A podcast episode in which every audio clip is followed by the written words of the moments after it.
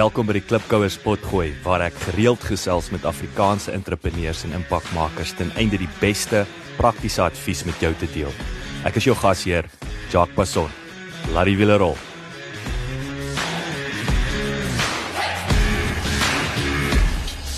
Morney Passon is die verpersoonliking van 'n klipkouer en die ideale persoon om 72 km per dag fiets te trap vir 72 op een volgende dag.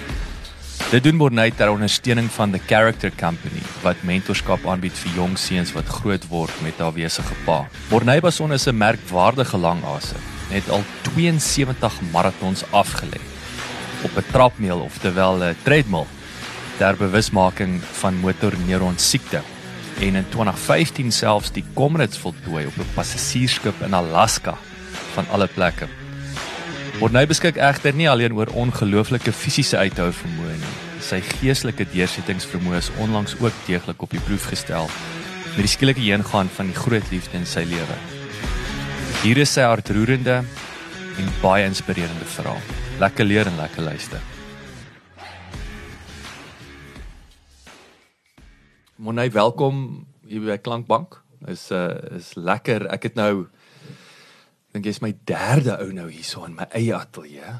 So is baie Wonderlik. lekker om jou hier te hê. Dis 'n groot verhoog, Jacques, baie baie dankie. Maar jy het 'n jy het 'n awesome storie, maar vertel my eers, waar het alles begin? Waar het jy groot geword? Wat is die die pad wat jy gestap het na waar ons nou hierso sit? Ek is vir Jacques, ek's 'n ou Klerksdorper, so ek's 'n ou mielieboer.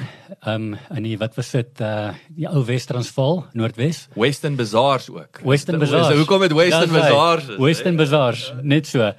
En uh ek het uh was in Laerskool Maringspark in Klerksdorp, uh Hoërskool Wesfalia, daar gematrikuleer toe ek universiteit op Potch Universiteit. En na universiteit het ek um teruggegaan ek het by die destydse Health and Racquet Club in Klerksdorp Ja. het ek gaan werk. En dan gee ek my ouderdom weg want dit is donkie jare terug. Ek wou sê ons wat weet wat Yes. Delvin Rugby Club was daai tyd, né? Voor En- Virgin het oorgeneem het. Presies. ja. En Virgin het Klerksdorp klub nie oorgeneem nie. So daai klub sou toegemaak het. En ons was nie seker gaan die klub toemaak of nie. En in daai tydperk het die skool waar ek skool gegaan het, Hoërskool Wesfalia, hulle het vir my pos aangebied as uh, sportbestuurder by die skool. So ek het die fiksit van die eerste spanne gedoen en 'n bietjie al die admin rondom die sport gedoen by die skool, al die al die sportreëlings. Ek sport mal, ek hou van sport. Maar dit was nou nie dis nou nie 'n L onderwyser Nee, nee, nee. nonsens hierdie nie. Ek bedoel die feit dat jy die span bestuur, dis ek wil sê dit klink vir my bietjie voor sy tyd amper. Dit was Eh, dit was 'n bietjie voor sy tyd as ek nou terugdink in vandag se terme hoe die hoe die skole, ek meen absoluut be, is amper 'n besigheid Dit is 'n besigheid. ja. Absoluut. En dit was my ongelooflik lekker. Ek het dit verskriklik geniet. En uh dit was ek het meeste van die skoolkinders geken want meeste van hulle het by die Health Racket Club gewerk om toe dan weer saam met hulle by die skool te wees op 'n ander vlak betrokke te wees. Dit was great. Ek het dit dit was 'n absolute voorreg. Dit verskriklik baie geniet en veral die die toere, die um die uh die sportbyeenkomste dit was dit was net great ek het dit verskriklik geniet maar ek kom uit 'n onderwyshuis uit so ma en pa sussie almal was onderwysers en Ook Klerksdorp. Klerksdorp, Jou, yes. ouers is is hulle gebore en getoe. my uh, my ma het by Laerskool Maringspark skool gehou vir 45 jaar by dieselfde skool kan jy dit glo Jesus. en uh, my pa was by Stilfontein Hoër vir klomp jare gewees onderwyser daar Stilfontein het op net net by by dit Klerksdorp En my pa het vir rukkie die onderwys gelos en hy's toe terug onderwys toe. Hy het by Milderen Hoërskool in die laaste 10 jaar van sy werkslewe het hy uh, het hy daar skool gehou, maar ek wou nog altyd Alaska toe gaan. So dit was een van my drome. Wat wat het dit getrigger? Ek weet nie, ek ek dink is die natuur skoon. Ek hou van die buitelewe, so daar's iets oor Ala- Alaska. Ek weet nie of dit die beere is of die salmon wat daar in die riviere rond swem en die uh, of uh, wat dit was nie die die ongelooflike ysgletsers, maar iets het my aangetrek en ek wou daartoe gaan. En ek het besef met 'n onderwyssalaris, ma en pa en almal wat daar is en ek wat in 'n on onderwysomgewing gewerk het, dit gaan nie gebeur nie. En ek het toe aansoek gedoen om op, op skepe te gaan werk as personal trainer. En dis my agtergrond, dis wat ek geswat het so Ek het toe um, lang storie kort, ek het toe opgeëindig op die skepe. Aan my eerste kontrak was ek nie Alaska toe nie, maar my tweede kontrak wel. Jessie. Maar is dit is dit per ongeluk of is dit ge, ek wil sê daai georkestreer. Jy Ek- ek deel ek- altyd die aksieplan was. Ek dink ek het dit ek het dit so goed gevisualiseer dat dit dat dit moes gebeur het. Dit was ek het net geglo ek gaan opeindig. En eerste kontrak Caribbean en 'n bietjie Mediterranean deurgevaar. Natuurlik gewerk, maar jy's gewoonlik op die skepe as jy vir 'n paar weke of maande in dieselfde omgewing. En in die omgewing waar ek gewerk het, het ons gewoonlik een keer 'n week het ons 'n dag afgehad. So as jy vir 3 maande in die Karibië is, elke dag van die week is jy op 'n ander dag van die week af. Dis dalk 'n 7 ag 'n 7 dag cruise, maar jy het elke dag oor die 3 maande tydperk het jy tyd om die hele plek te verken. Yes. Dit was amazing en ongelooflike groot voorreg. Ek het dit regtig geniet en baie geleer en ook baie van die fiksheid bedryf geleer want onthou as jy as 'n personal trainer op landwerk, jy dit klink dalk vreemd, maar jy wil jou kliënt so lank as moontlik behou want jy wil jy weet jy wil jou besigheid behou want jy wil hom volgende jaar weer sien. Hy moet terugkom, ja. Hy moet terugkom. Op die skepe het ek wil ek vir seker het amper 'n kort pad na baie dinge geleer want jy het 'n kliënt net vir 7 dae op 'n skip of as jy gelukkig is 14 dae. En ek het baie geleer en hoe om of veral in daai omgewing dinge op 'n ander manier te doen om dalk bietjie vinniger resultate te kry, maar ook hoe om vinniger vir jou 'n goeie kliëntebasis op te bou. Ek het daar daad ek geleer heeltemal buite my gemaksone om met mense te praat. Ek hoef nooit voorheen dit was altyd vir myself toe ek by die skool was, 'n uitdaging om voor 'n groep mense te praat op skool mense wat my goed ken sal weet ek het dit gehad. Ek was bang om voor mense te praat. Ek kon nie my mondeling in die klas doen nie want dit was net nie vir my nie. Ek moes dit pouse gaan doen het want waar daar nie Just dis ekstreem, nee. Ek kon dit nie doen nie. Ja. En toe skielik op die skepe, um, een van die beste maniere op die skepe in die in die gym op die skip om vir jou kliënte te werf want ek meen kom ons sê eerlik jy gaan op 'n cruise gaan om te gaan gewig verloor. Jy wil gaan cocktails drink en ek en, en ek het nou 100 000 rand wat ek reeds gaan blaas. Nou nou moet ek nog presies jy wil my six pack ek wil ja my six pack nee, werk dan. Nee jy wil net 6 biere gaan koop ja, ja daai six packs so ehm um, ek het toe geleer om seminare op die skip aan te bied. So jy kry 'n uh, onderwerp vir die dag. Kom ons sê ehm um, seker is toe 'n flat stomach en jy gaan gee bietjie seminar aan op 'n tyd waar daar nie veel ander goed op die skip gebeur nie en Ehm um, so het ek kliënte gewerf. As mense hou van wat jy sê en ek het natuurlik geleer om beter en beter en beter te raak daarmee. En jy gehoor hou waarvan jy sê dan boekie vir 'n personal training sessie in en ehm um, verkoop 'n klomp produkte aan hulle in dieselfde tyd wat hulle kan baat.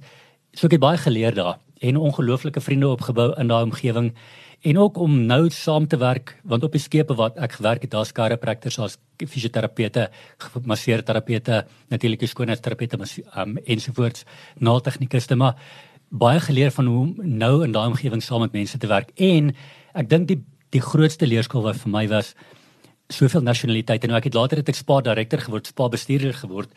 En een van die spas wat ek uh, bestuur het was 'n 65 mense in die span 65 nasionaliteite ja 65 persoonlikhede en almal werk saam almal bly in 'n omgewing baie nou saam en daar was nooit probleme nie Dis ongelooflik. Dit is dit is dis Maar hoekom hoekom nie? So daar's obviously 'n leierskap Ek dink 'n uh, teg uh, styl en en natuurlik is dit juis om met ouens so die die verskille ek dink daar's aantreklik in 'n mate. Ek dink daar's 'n paar aspekte. Een daarvan is ek het ek het altyd geglo die leier van die span het nie dis nie sy span nie, dis ons span. Hmm. So dit is altyd belangrik om dit is ons, ons doen dit saam. En die belangrikste ou in daai in 'n omgewing is definitief nie die nie die die bestuurder nie. Hy is die minste belangrik. Want die spa behoort te kan funksioneer as hy heeltemal weg is maar wees die voorbeeld, wees almal se gelyke en stel die voorbeeld, maar wederzijds respek. Ek dink dit is die groot respek respekteer die feit dat elke individu verskillend is, elkeen het sy eie identiteit en maak seker dat dat jy die beste uit almal uit kry. En uh, baie mense gaan altyd sê maar behandel mense soos jy graag behandel wil word. Ek stem saam daarmee, maar wat ook belangrik is, is om mense behandel hoe hulle behandel wil word. Mm. En as jy daai daai konsep verstaan, dan kan jy die beste uit mense uitkry. Daar was ek het letterlik elkeen in die span het ek op op sy manier bestuur om die beste uit hom uit te kry. En die eerste maande wat was dit maar altyd op 'n skip, 'n nuwe kontrak want ek het dit lank gedoen vir 13 jaar aan en af. Ja.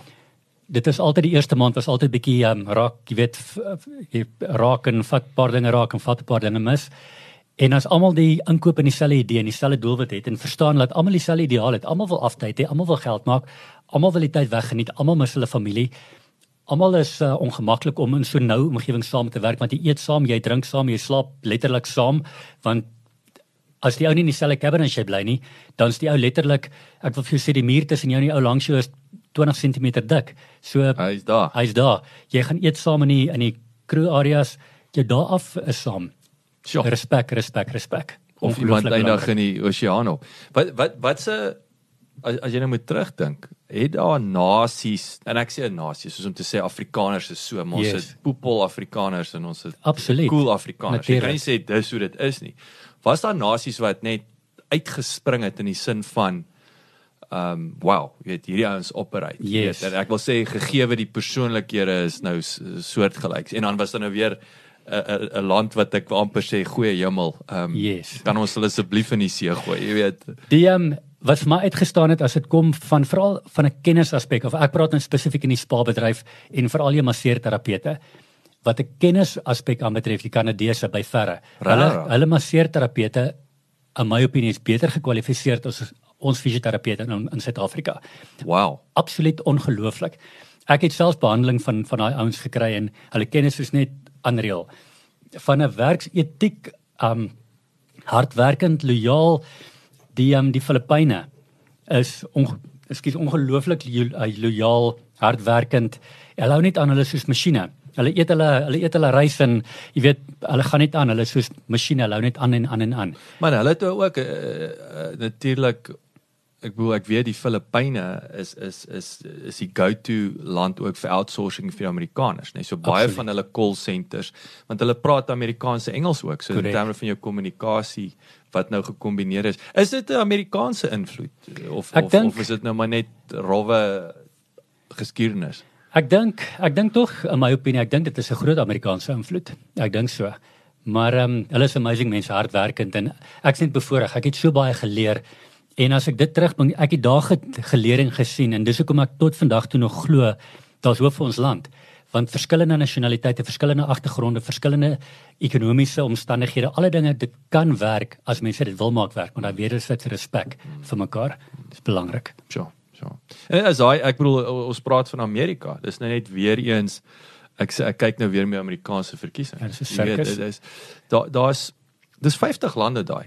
Ek sê altyd daai is wat die wat die comment maak vir oh, Amerikaners het nie paspoorte nie. Wat 'n simpel aanmerking is dit? Is jy naïef? Daai staat van hom is groter as jou land. Korrek. So hy het nie nodig om Natuurlijk. sy land te verlaat nie, jy weet. Ehm um, maar dis in daai diversiteit en en mindsets en goed waar waar die krag en die sukses lê. Absoluut. Nee, absoluut. So jy toe nou op die bote, maar het jy wat het, het jy dit as 'n ek wil amper sê uh, vertel vertel ons 'n bietjie nou natuurlik van Alaska. Nou is daarso so wat was dit so so wonderlik of wat eh, die koue toe jou tong vas teen jou hemel te vries soos dit nie meer so cool nie of wat. ek En dan kom jy nog van die van die Mediterrane van die hitte af. Presies. Met jou dik bloed of dun bloed. met die dunbloed. Ja. En ehm um, die ironie was toe ek die eerste dag daar afklim in Alaska, toe dog ek nou gaan ek vir my 'n massiewe dik jas moet kry want ek het nie gehad nie. En ek is daar af met my T-shirt en met my drafbroek en ek het gaan draf en dit was heerlik. So ons was in die somermaande natuurlik daar gewees. Maar Waar son Alaska? ehm um, jo, ons was by wel, alle plekke waar die cruise ships kan gaan. So ons O, het soos nou langs die kus op. langs die kus op. Jy so um Ketchikan, Skagway, um Tracy uh, Tracy Arms is die, een van die fjords wat ons deur gaan het. Um ja, nou kan ek eers al die plekke se name onthou nie daarbo. Ek gaan nou op die plek se naam kom, maar dit is beautiful. Dit is dit was my alles en nog meer. Dit was nog mooier as wat ek gedink het dit is. Rarig. Ek het um ek het baie tyd en baie geld spandeer daar wat ek wat ek moes gespaar het om op helikopterritte te gaan na die ysgletsers toe. Ek het op die dark sledge gaan gaan jaag. Ek het um oor uh, ek het ek het ewen gaan scuba duik. Um ek gaan snorkel, ekskuus in Alaska. Een van die ongelooflike ervarings ooit. 'n Lekker dik uh, Ek wil nou net sê is hulle iets dikker as 'n 5 mil. Nee, hulle het 'n 9 mal, glo my. 'n 9 'n mal. 9 mal. Maar dit was daai seelewe wat daar is. Dit is net unreal. Dit was net 'n ongelooflike dis visie. on, is, is is onversteurd. Ek bedoel dis totaal dis onversteurd nie- heeltemal die die goed die plante groei onder die onder die water en ook om te leer hoe hulle dit um, beskerm maar ook uh, en hoe dit beheer word om seker te maak daar bly vir die nageslag nog en ek dink daar's hulle ons jare voor Rarig. um eeue voor om te bewaar vir môre dit Yes. is En en dit word nou weer, dit word 'n kulturele ding. Soos Correct. net hoe almal outomaties dink wat jou ouers het dit vir jou geleer, jy leer dit vir jou vir jou vir jou kinders. een van die groot dinge veral daar wat ek wat vir my verstommend was om te sien hoe almal daar die wette gehoorsaam. Ek het eendag het ek gaan stap saam met 'n groep mense en daar was 'n bordjie wat gesê het do not pass. En ek meen kom van Suid-Afrika af ons gaan nou Dis, stap. ons interpreteer dit. Dit is uh, hier gaan ons en ek stap aan en almal het gestop en het van gesê, "Maar nou, what you doing? Where you going?" en ek sê, "But let's go." Die die voetpaadjie is hier. Maar sê nee. Toe self my man, nee, ons kan nie hier's 'n bordjie. En dis net ongelooflik. Daar's um, daar was 'n paar kroë gewees waar jy vir jou drankie kan gaan skink en jy los jou jy Honesty bar. Honesty bar en dis dit. En ek het dit op Flix gesien, maar om dit self te beleef ongelooflik. My magte. Ander heeltemal ander mense. Um het hierdie hillbilly tipe ouens, die ouens wat daar in die veld bly en uh wat baie interessant was, die kinders daar leer vlieg voordat hulle leer kar bestuur. My hemel. Daar's kindertjie, daar's laities van 7 jaar wat daai vliegtye wat op die water land. Ja. Hulle kan daai goedjies vlieg. Hulle vlieg gou gaan hulle pelt op die ander eiland. Nee. Hulle vlieg voordat hulle kan bestuur. Maar dit is dit want dit is die praktiese yes. Vorm van van van En hulle hoef ek vervoer. weet nie of dit intussen verander het nie, maar op toe ek daar was, hoef jy nie 'n vlieglisensie te gehad het nie, maar jy het 'n karlisensie nodig. kan jy dit oor vertel? Amazing. Dis crazy. Hoor jy nou ek dink natuurlik jy praat van Hillbillies, een van ons as 'n familie, jy weet eh, so onlangs seker die afgelope 4, 5 jaar was was 'n reality program vir daai ouens wat tweede, derde generasie aan die bos bly. Yes. Wat van van ek bedoel daai stawwe ouens, maar Nee, dis dis- letterlik hulle vang vis vir die winter Precies. want dan anders te vrek jy of jy Natuurlik, want jy moet Ehm, maar kyk dis wintermaande dan al die meeste ek meen hulle groot inkomste is maar toerisme, maar wintermaande dan daar gebeur Gebeur niks. Jy moet uh, jy moet maar jou voorraad by die huis hê, so Ja. jy hout gekap hê en jou vis in die yskas hê.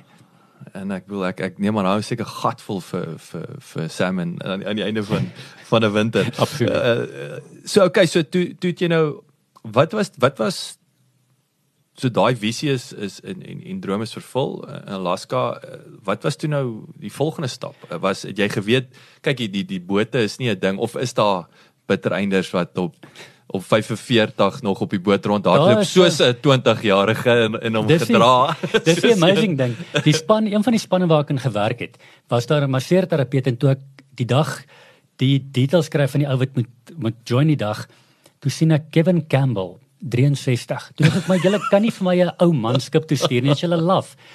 En uh dit is die amazing ding. Daar is tog ouens wat dit vir 'n lewe doen, maar ek wou dit nooit vir altyd gedoen het nie. Alhoewel ek dit vir 13 jaar aan en af gedoen het. Ek het op die skip het ek 'n meisie ontmoet en dis hierdie weet baie baie min mense maar ek het 'n meisie ontmoet op die skip en sy kom van Delaware af aan alle plekke. Ek het haar in Alaska in um, Seattle toe ek in, op die skip in Seattle Ja. dan het ek haar die dag ontmoet.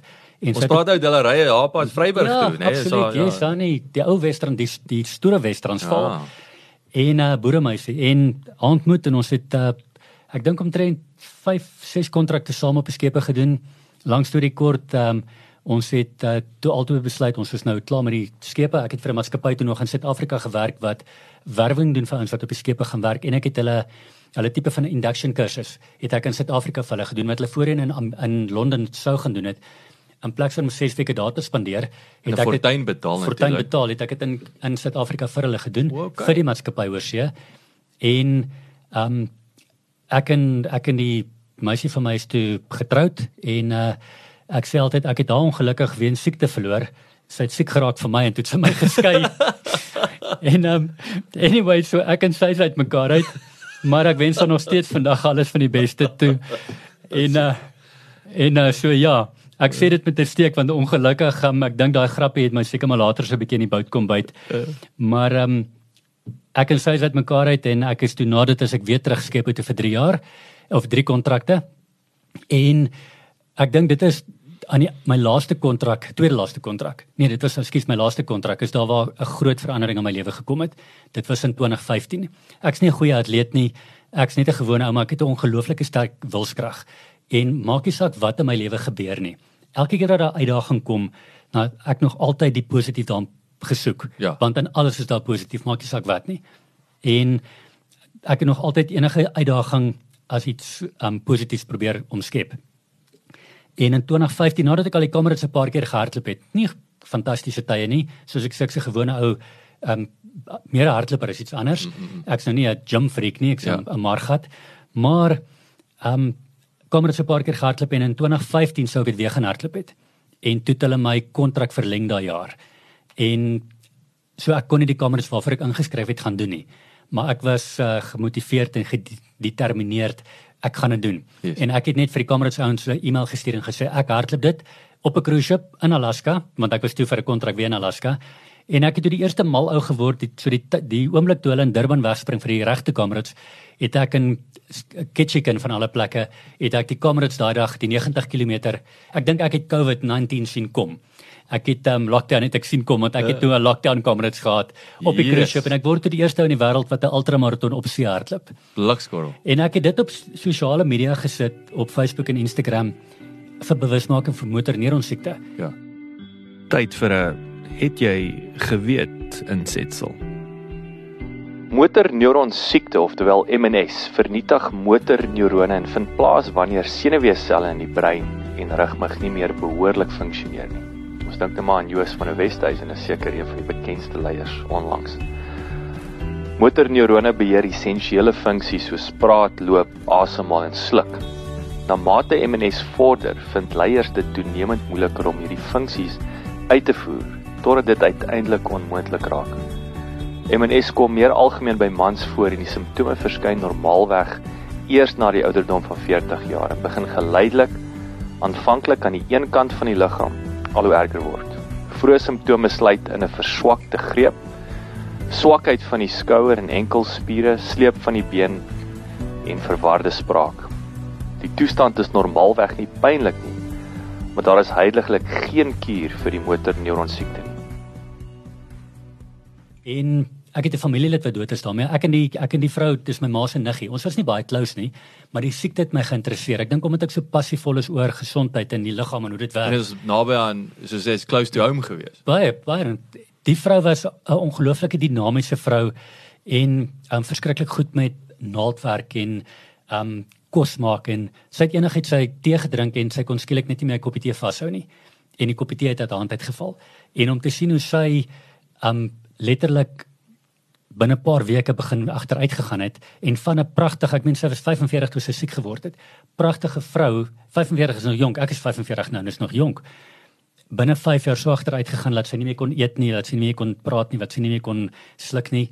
En eventually gaan 'n motorneuron siekte pasiënt dood in een van twee dinge, of 'n gebrek aan suurstof of 'n gebrek aan kos. Ja. En dit is hartverskeurende. En as ek kan bynoem, die ironie van die van die wêreld is, hy weet ons judge baie maklik sy's sy het mekaar geraak as ek nou reg my feite onthou met 'n man wat 30 jaar ouer as sy is en sy was bitter jonk. En ek dink hulle is getroud toe sy 18 is as ek my feite reg het.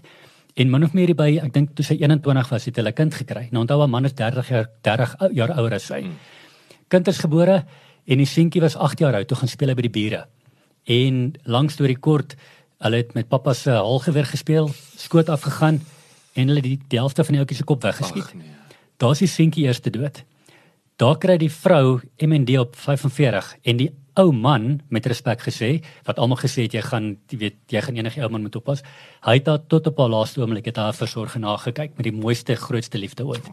Lewe is de mekaar en onderste bo nê. Ja, so so so. Maar um, maar ja, daar's toe nou die hier begin hierdie hierdie die fondasie vir jou vir jou avontuur. Hierdie hierdie crazy goed begin en ek het dit op social media gesit en ek was stom geslaan met die met die veldbrand wat gevolg het. En ek het die volgende oggend Is ek is 'n uh, Morney waar, waar is Joost toe nou op daai stadium? Joost, ek het vir Joost een keer ontmoet. Ek het ek's nog altyd 'n groot Joost fan. Nie 'n Bluebell fan nie, ek moet seker nie hard sê nie. Maar maar um, ek is nog altyd 'n groot Joost fan en ek het die grootste respek van hoe hy sy lewe gelei het veral die laaste paar jare, veral met die siekte. Hmm. En um, ek het natuurlik ook op skool ek's ek's rugby mal gewees. Met my margat het ek net besef na skool gaan hierdie nie meer lekker werk nie, maar ek skramskakel gespeel.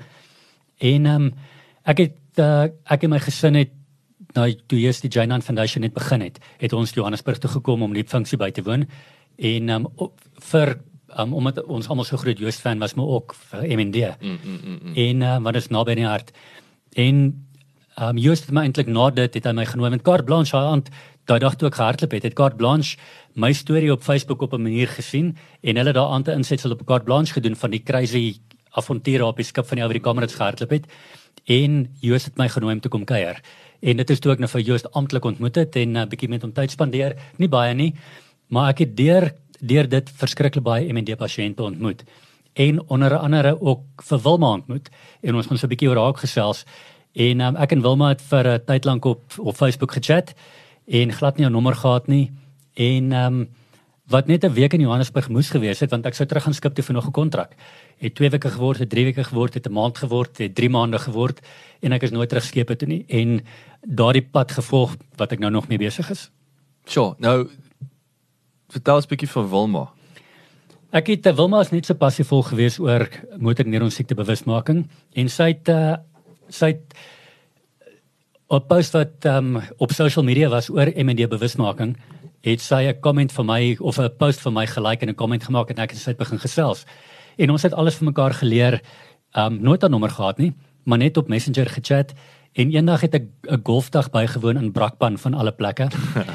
en uh Wilma het gesien ek check in en sy het my laat weet my sy is in dieselfde omgewing.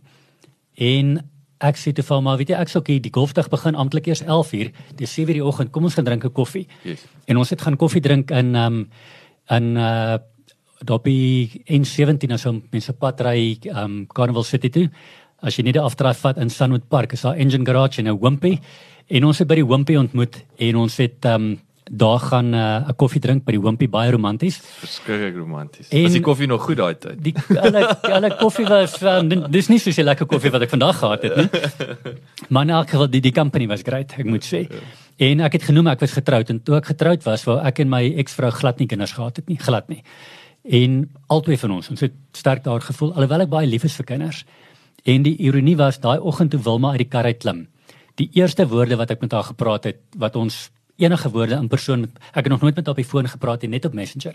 Toe ek haar sien, toe sê ek vir haar by jou gaan ek 'n dogtertjie kry en met jou gaan ek trou. Sjoe. Eerste woorde ooit en ek sê seker gedink ek is bly arrogant. Ja. Maar ek het haar drukkie gegee en dit was lekker. Ons het ingegaan, ons het lekker gechat en ehm um, ja, ons is van van toe af was ons letterlik saam gewees. En ehm um, dit was in 2015, 2016 het ek 160 km aangedurf op 'n tredmil by die Rugby Museum in Kaapstad, weer vir MND bewusmaking. 2017 het ek die eerste ou in die wêreld geword wat 31 vol marathons in 31 dae gehardloop het op op 'n tredmil. Yes. Ek het 'n tredmil agter op 'n bakkie gehad en ek is na klomp verskillende shopping malls toe in Gauteng. En dit was taaf. Dit was seker vir my een van die moeilikste challenges wat ek nog gedoen het want daai 42 kg is lank. Geen herstel tussenin nie.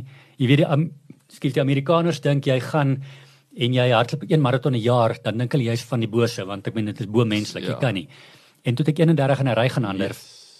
Baie van myself geleer, baie geleer van daat ek besef as jy dink jy kan nie meer nie, is jy net 10% daar. Jou lyf kan baie meer doen. En dit is net 'n mindset, dit is net 'n ingesteldheid. Mm. En baie mense vra vir my, hoekom jy is bewusmaking vir MND op 'n treadmill? En dit is baie eenvoudig. Hoe ek dit sien, as jy MND het, word jy gevangene in jou eie liggaam. En op 'n treadmill, ek klim nie af daarvoor ek ek nie klaar is met wat ek moet doen nie. So ek se gevangene op daai treadmill tot ek klaar is. So dit was 2016. 20 das ekskuus, dit was 2017, die 31 maratons in 'n ry. En ek en Wilma het verloof geraak einde 2017 en 2018 sou ek 'n uh, 'n crazy ding in Londen op die London Bridge sou gaan aandurf het. Ek sou 'n treadmill daar gehad het, dit daar sou 48 uur betrokke gewees het en toe die lewe vir my so 'n bietjie 'n curveball gegooi. Wilma kom uit 'n omgewing uit waar sy verskriklik hard gewerk het. Um ongelooflike werksdruk en um ek baie uitgesproke daaroor want dit is my natuurlik baie na in die hart. En die omgewing waar sy gewerk het, was daar baie jy weet daar's altyd vir hulle daai herin, herinnering gegee van onthou net um dis moeilike tye, daar is retrenchments aan die kom so jy moet maar 'n bietjie meer gee. Um daar is 'n affirmative action, daar is dit daar's dit. So almal wat daar gewerk het, is so bang hulle verloor hulle werk. Laat selfs die mense wat siek verlof gevat het, het dokter toe gegaan, teruggegaan in die bed gaan klim en 'n laptop gevat en verder gewerk. Dit was normaal in daai omgewing om WhatsApp te kry 10:00 die aand van die baas af, e-mails te kry 5:00 die oggend en hulle verwag dadelik dadelik reaksie. En Wilma het ek is op 'n stadium saam met Wilma begin um nee einde 2017 um einde November saam met haar dokter toe toe sy gedoen niks fout gekry nie. Ek en Wilma na pas daai jaar um Kaap toe. Haar pa was 25 jaar laas in die Kaap gewees en om in die Kaap gaan wys dit was 'n amazing vakansie. Begin Januarie was Wilma weer sy was heeltyd moeg en ons kon nie Ja, verstaan 2019. dit is 2018. 2018. 2018. En wil nadat ons van die Kaap af teruggekom het en Wilma bly moeg. Wees saam met haar dokter toe toets so gedoen niks fout gekry nie. En ons het vriende oor gehad die 10de Maart 2018, die Saterdag aand. En ehm um, Wilma was moeg geweest, maar ons het lekker nie buitespore gekuier, maar lekker gekuier, lekker gebraai, vriende is vroeg huis toe. En Wilma moes nog pak want sy sou die volgende dag Ghana toe vlieg vir werk. En daai oggend toe ons wakker word, toe sien ek my engel, jy lyk nie lekker nie. Toe sê ek vir jy kan nie vandag vlieg nie. En sy sê toe vir my ek sal woorde nie vergeet nie. Ek moet vandag vlieg want ons nie die kontrak môre afskop nie, gaan die direkteure nie hulle finansiële en targets maak nie en hulle gaan nie hulle bonusse kry nie. Nie ons gaan ons bonusse nie kry nie. Hulle gaan hulle bonusse nie kry nie. Langs storie kort, ek het 'n lughawe toe gevat. Ek was nie happy dat sy moet vlieg nie, maar sy het aangedring sy moet. Sy het op die vliegtuig geklim en hulle het my van die vliegtuig afgebel en vir my gesê dat my sussie se lugvaart vir Israel en ehm um, wel wat van Israel oor is. En uh een van die lugvaartdinne wat saam met my sussie werk wat op die vlug was, het vir Wilma herken van 'n foto af op my sussie se Facebook page. Yes. Hulle het my sussie gekontak, my sussie het my nommer vir hulle gegee en die lugvaartdinne het my gebel en gesê, "Wil jy hê jou verloofde moet vlieg vandag?" Ek sê toe nee, ek wil glad nie hê sy moet vlieg. So hulle sien toe ek. Hulle sien toe sy nie, sy's nie lekker. Toe sy bietjie begin moeilik asemhaal op die vliegtyg. Yes. En hulle Is dit nou nog nie opgestyg nie? Nee, nog nie opgestyg nie. Hulle wou net opstyg. En ek hoor toe nog vir Wilma daar in die agtergrond skree. Ek sou kyk, ek moet net bietjie rus op die vliegtyg. Ek slaap dan seker reg. Toe kom die kaptein verby en hy maak toe 'n call en hy sê, "Mm, hierdie girl gaan ons aflaai." En dit lag afload. Ek toe nog naby die lughawe, kry toe haal haar. Toe het hulle uitgestoot met 'n reistool. Maar ons het gepraat normaal. Sy het net gesê sy is baie moeg en um, sy's so right en sy vra toe vir my, ek moet asseblief net reël dat die mense wat in Ghana vir wag net weet sy gaan nie kom nie en ek moet asseblief die vlugvaart skuif net die volgende dag toe dat sy kan vlieg die volgende dag en nuwe reëlings maak vir die volgende dag. Ek sê toe nie dis reg maar ek weet hoe ek van jou onmiddellik hospitaal toe. Mm, mm, mm. En sy was maar harde gat enetjie gewees en ek het gedink sy gaan kwaad wees omdat ek haar hospitaal toe vat en nie direk huis toe vat nie. En ons het by die hospitaal gestop en uh, langs storie kort sy het glad nie sy was glad nie moeilik daaroor nie. Sy het gesê dis reg kom ons wat vir my vreemd was. Kom ons gaan in en uh, hulle toetsing goed gedoen aan die emergencies opgeneem. En ek was baie die hele tyd gewees en drip opgesit en sy het beter geraak. En toe op 'n stadium het sy wel so 'n bietjie de mekaar geraak en moeilik asemhaal. Toe sê hulle nee, hulle gaan nou oor sit ICU toe. En dit is toe so 2:00 die middag. En ek het ehm um, haar pa na sussie laat weet dat sy nie lekker is nie. En ehm um, ek het vir die dokter gevra hoe wat dink hulle is dit ernstig? Dis hulle nie hulle dink net dis maar net vir veiligheid. En haar pa en sussie het ook gesê nee, hulle dink nie hulle gaan vandag deurkom nie. Ek moet hulle net op hoogte hou en ek het daar gebly die hele tyd. En 9:00 aand, soos jy weet, jy mag nie die hele tyd in ICU yes, yes. bly nie. En ons het net om die hoek van die hospitaal gebly. Toe 9:00 aand toe sê hulle vir my, "Mornay, jy moet verstaan die ander pasiënte respekteer. So gaan jy jy moet of buite wag, maar ons stel voor gaan huis toe. Wil maar is okay, geen probleem nie. As daar veranderinge is, gaan ons jou laat weet." Yes. En ek het nog met Wilma gechat. Ek het ek sou die volgende dag um oorval stereo toe gegaan het in Viljoenskroon vir 'n radio onderhoud daar. En ek het vir haar gesê ek kom hier volgende oggend te draai maak. As sy iets nodig het, moet sy my laat weet of vra die nurse om my te laat weet. En ek het vir haar soen gegee en ek het vir haar gesê ek's lief vir haar, nog vir 'n slukkie water gegee en sy het vir my gesê sy is lief vir my en ek het gery.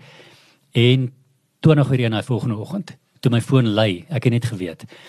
Toe sê al, al wat ek gesê het, ek sou pad, ek sou 5 minute daar en ek het letterlik vanuit die foon gelei het totdat ek langs die hospitaalbed gestaan het was dit 5 minute. Yes. En toe ek daar kom, toe sê hulle vir my, "Mornay, jy moet buite wag." Toe sê ek vir hulle, "Nee, julle verstaan, hier is my vrou, ek gaan nie buitekant toe nie." En toe het al longetjies begin platval. En ehm um, sy het nog my hand so lekker stywe druk gegee. En ehm um, toe sê hulle vir my ek het uitgaan, toe sê ek ek weier. Dit was nie 'n mooi prentjie om te sien nie, maar toe het hulle begin rondskarrel, toe besef ek hier's groot fout toe het hulle met die intubation proses wat hulle die pype in jou keel afdruk om die longe oop te kry. Yes. Toe het hulle met dit begin. Maar ek is steeds so dankbaar ek kon daar gewees het en hmm. na so ek, ek weet nie dit vir my soos 'n leeftyd gevoel, maar dit was nie baie minute later nie.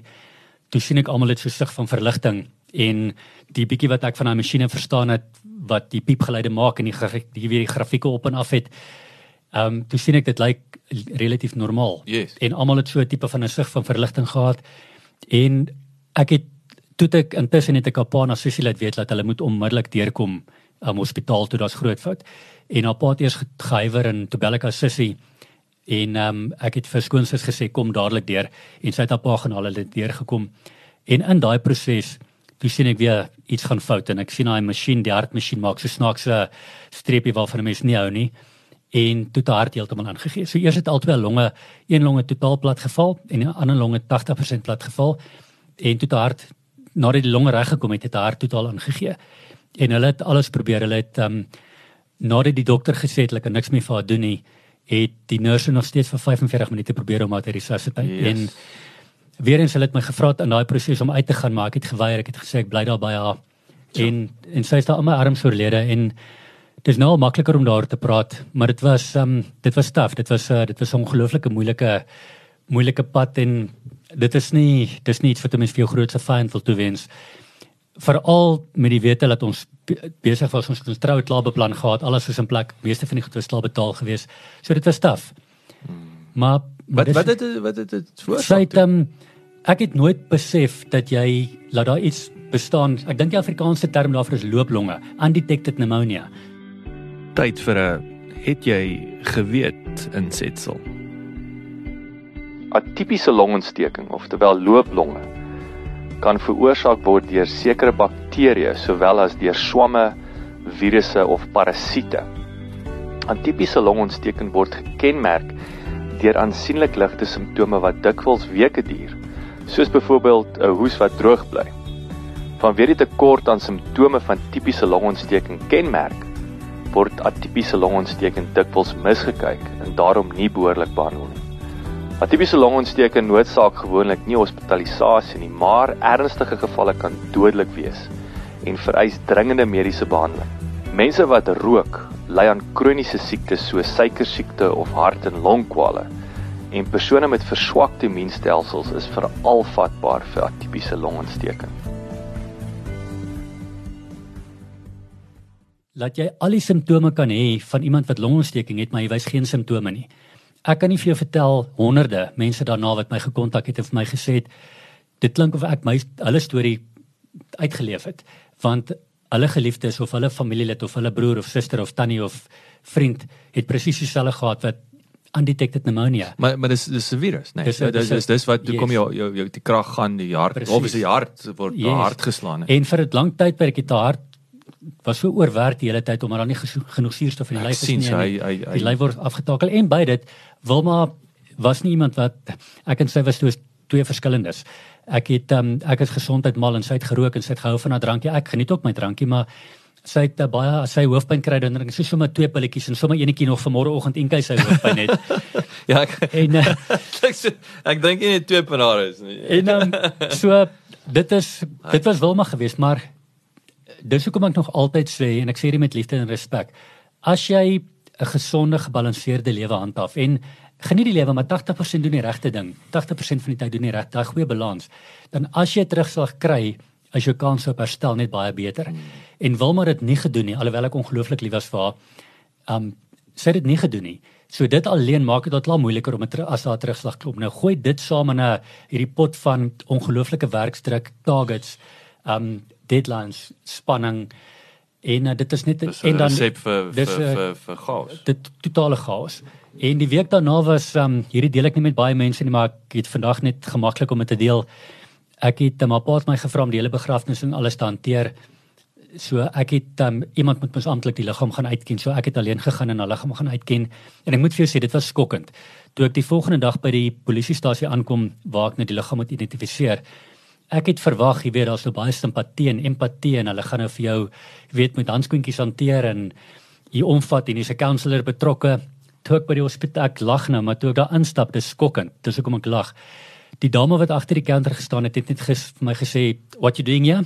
En ek sê, "No, I need to come and uh, identify my fiance's body." En sy sê toe net vir my, "What's her surname?" En sê toe uh, Lochenberg en "Do you have your ID?" En ek gee my ID boek en Die volgende oomblik druk sy 'n file hier onder my neus en sy maak die file oop. En daai prentjie sal ek nooit vergeet nie. Hierdie liggaam toets sy nog steeds die pype aan haar aan haar mond gehad van die van die um, alles wat hulle gedoen het. En haar gesiggie was nie 'n mooi prentjie op daardie stadium gewees nie. Hulle druk hy papier onder jou neus in en sê is this her? Yes. En ek moet 'n vorm teken. Ai. Ek het toe aangedring om dit te gaan sien en ek's dankbaar ek het want dit wat ek gesien het was nie dieselfde as op die foto nie. Dit sal met respek gesê bietjie beter gelyk. Ja ja ja. En ehm um, dit is net skokkend. So wat dit aan betref, ek kan nie ek is emosioneel baie sterk geweest en die Here het my daardeur gedra natuurlik. Maar kan nie imagine iemand wat selfmoordneigings het as hulle nou daai prentjie moet sien. Jy gaan huis, jy gaan 'n gun in die kop trek en jy jy's jy, jy, gone. Jy kan nie deel met daai Dit was net skokkend. Sjoe, sjoe. En ehm um, die res van die week ek het gegaan, hulle het natuurlik 'n nadoetse ondersoek gedoen en uh natuurlik die lyf oopgesny om al die so te doen En ek het net vir hulle gevra ek wil asseblief self al lyfie gaan was. So ek het self toe die die ehm um, dan vir die begrafnis hanteer het toe hulle hulle gaan by die lyks by die staatslykshuis gaan haal het, het ek saam gegaan. Ek het gevra ek wil hom asseblief alleen oortel in hulle aan hulle lyks waaraan ek het gegaan na hulle plek toe ek het daar daar gaan was. Ek het die dag voor die tyd het ek haar lyfie weer 'n keer gaan was en ek het haar klere aangetrek, gunsteling klere self haar. Ek dink dit is waar die spa spa bedryf seker maar bietjie handig te, te pas gekom het. Ek het self haar make-up gedoen, self hare gekam. Dit was 'n moeilike week, maar Hoekom hoekom het ek wil dit sien nik, want hoekom ek dit nou vir jou vra, jy weet wat wat wat gaan in jou kop aan in daai sin in, in die mooi sin van die woord want ek onthou nou byvoorbeeld en ek ek vergelyk dit nie met om jou jou aanstaande vrou te verloor nie maar toe soos my ouers wat oorlede is ehm um, is ek elke keer die opsie ek's enigste kind so nou yes. kom ek en dan vra hulle vir my wil jy weet toe my pa se eers verlede en toe's my ma 'n paar jaar later nou is ek hier in Parys en nou kom ek aan ek weet nie eers ek weet nie eers wie die hel is die begrafnisondernemer jy weet alles is 'n En ek kom aan en vra vir my wil jy jou ma se lyk sien en dit is soos in dieselfde met my pa. Dit was my onmiddellike antwoord was nee. Daar dit is weer, dis iets wat jy voor die tyd yes, contemplate is. Wat gaan ek doen as ek ek net soos in nee, daar's nie ek wil nie yes. Wat in jou kop aangaan? Is, is was dit jy net ken jouself dit is jou deel van jou genesingsproses. Ek um, die oomblik die oggend toe sy oorlede is, die toe haar pa, as sy na pa toe by die hospitaal hospitaal aangekom, toe Wilma reeds oorlede toe ek hulle buite in die parkeerarea gaan haal en het geweet ek kan nie daar buite vir hulle sê sy is oorlede nie. Ek het al die pad saam met hulle ingestap tot in die ICU want sy het toe nog in bed in die bed gelê en toe ek hulle eers daar toe hulle naby die bed is toe ek hulle na 'n kantoortjie ingevat en ek moes die nuus vir met hulle gedeel het en ek het hulle toe een vir een eers op aand en toe sy gevat om vir Wilma te gaan sien en hulle wou daarna wou hulle haar nie weer gesien het nie. En ons het uit die hospitaal uit gestap um, buite want oom Gawie wou gaan rook het en hartseer maar oom Gawie 6 maande daarna is oom Gawie ook ah, oorlede. Ah, en ehm um, maar toe ons buite staan toe sê ek vir oom Gawie ek weet nie ek weet nie ek was natuurlik baie emosioneel behartseer maar ek het selfs daai dag het ek vir oom Gawie gesê oom Gawie ek weet nie hoekom hierdie moet gebeur nie. Maar ek gaan seker maak dat ons iets goeds hier uit vorentoe vat. Wat dit is weet ek nog steeds vandag nie. Um, of daai tyd nie geweet nie. Maar ek het selfs toe het ek probeer iets in my het met gedryf om te sê maar ons gaan ons gaan nog steeds mooi uit al die seer gaan ons mooi jy jy vind en ek het daai oggend aangedring klomp familie en vriende het natuurlik kom om my te ondersteun en van haar kollegas het oorgekom en meeste van hulle het so 11 uur gery. En die die polisie wat die liggaam nou moet kom haal by die hospitaal het ehm um, hulle sou 9 uur gekom het die oggend en Wilma is amptelik 3:30 oorlede die oggend en hulle sou 9 uur die lijk al kom haal het. En toe sal moord in die area. En 'n lang storie kort, hulle het eers die middag 4:30 het hulle opgedaag. En ek het net aangedring ek gaan die hele dag by bly, los van nie alleen daar nie. En ek ek weet nie om dit is die tydperk wat ek daar vir 'n tyd lank lank sa dooie liggaam gesit het wat my kop dalk anders begin werk het nie, maar ek het net ek het net geweet dit is wat ek gaan doen en dis wat ek wil doen en dit het ek het nooit nagmerries tot vandag toe nog geen nagmerrie daaroor gehad nie. Ek het dit nooit Dit was closure. Dit was closure geweest. Dit het dit vat nie die seer weg nie, maar dit het nee. beslis die genesingspad baie makliker gemaak. Mm. En wat ek altyd sê, um deel van my deel van my motto twee dinge van daai dag af is um eendag 'n beslag knie op die grond kop in die lug. Mm. Dis ek glo nog steeds elke dag daaraan. En die ander is no regrets. Ek dink daar's soveel mense wat 40, 50 jaar getroud is wat wat smag na daai ware opregte liefde wat dit nooit het in 'n leeftyd nie. En ek het dit gehad en ek weet ek ek gaan dit weer hê en ons gaan nou kom by waar ek vandag is. Maar Ehm um, ons was so gelukkig geweest en alles wat ek vir haar wou gedoen het en wat Wilma vir my wou gedoen het, het ons vir mekaar gedoen terwyl ons hier was. En dit is wat ek elke dag vir almal vertel. Weet jy wat? Jy weet nie wat môre gebeur nie. Maak seker dat op enige vlak van jou lewe, het jy dit is geestelik, het jy dit finansiëel in jou beroep, in jou verhouding met jou kind, met jou vrou, met jou ma, met jou wieewer, maak seker dat as as daai persoon nou wegval, dat jy kan sê of daai situasie nou hier kom COVID. Um, ek wens ek het beter voorberei vir COVID finansiëel byvoorbeeld, maar dinge gebeur, life happens. Maak seker dat jy kan terugkyk en sê ek het my beste gegee en whatever curveball die lewe vir jou gooi, dat jy die beste shot op daai curveball het om 'n home run te slaan. Hmm. Tja, dit is uh, is wyse woorde daai, nê, nee? en ek bedoel is uh wysheid knowledge applied. Dit is um, uh, dis wat uh, jy is vergeet wat dit wat wysheid beteken. Yes, knowledge applied. Knowledge applied. en dit was 'n ongelooflike leerskool en um, dit was 'n moeilike pad vorentoe. Maar ehm um, ja, dit is net my uitkyk daarop is dinge gebeur en life happens soos ek sê. En die lewe is nie wat met jou gebeur nie, maar wat jy maak van wat, wat met jou gebeur. En ek wou toe heeltemal stop met Ekskuus, ek wil heeltemal stop met MD bewusmaking want dit is ook vir Wilma ontmoet het en dit was moeilik. So die assosiasie was versleg. Absoluut en ek wil heeltemal daarmee stop. En toe 4 weke later toe kry ek 'n boodskap van 'n oom wat ek en Wilma laaste gehelp het met 'n reisstoel en 'n paar goedjies. En oom Oudo se familie kontak my toe en sê vir my oom Oudo is oorlede. Hulle stuur te vir my die boodskap. Kan ek asseblief hulle wil my baie graag by die by die diens hê. En ek het uh, die boodskap vinnig gescan en ek het daar gelees uh Konrad Trigard in die 11 uur en en ek vertel dit nou vinnig want daar's 'n rede daarvoor. En ek het die Vrydagoggend het ek gereël dat ek 11 uur by die kerk aankom want ek wil met niemand praat nie. Ek het geweet ek gaan bitter ongelooflik baie emosioneel wees. Toe ek by die kerk stop, toe is daar niemand daar nie. Nou, En ek dog kan nie wees nie. Ja. Ek ek weet dis ek dis hulle kerk, dis waar ek moet wees. En toe ek die boodskap mooi lees, toe staan daar nie Konrad Trigard en Paul Smit in Boksburg soos ek gedink het dit is nie want dis waar hulle kerk is. Toe is dit Konrad Trigard en King Fisher. King Fisher is daai selfe hompie waarvan ek vroeër vir jou vertel het waar ons gaan koffie drink het. Yes. Net 'n entjie af van die pad. Die Woord en Lewe gemeente AGS Woord en Lewe is daar. Dieselfde kerk waar Wilma se memorial diens was. En ek kon dit nie glo nie. Ek sê daar's geen manier wat ek kan gaan nie want dit is waar Wilma se diens was. 4 weke later ek ek ja, kan nie, nie. jy het nou nie. Ek het nie die krag vir dit nie. yes. Ek het baie krag, maar nie krag vir dit nie. Mm, mm, mm. En dit het vir my gevoel of iemand my my stuurwiel vat en my na die kerk toe ry. Hoe ek daar gekom het, weet ek nie.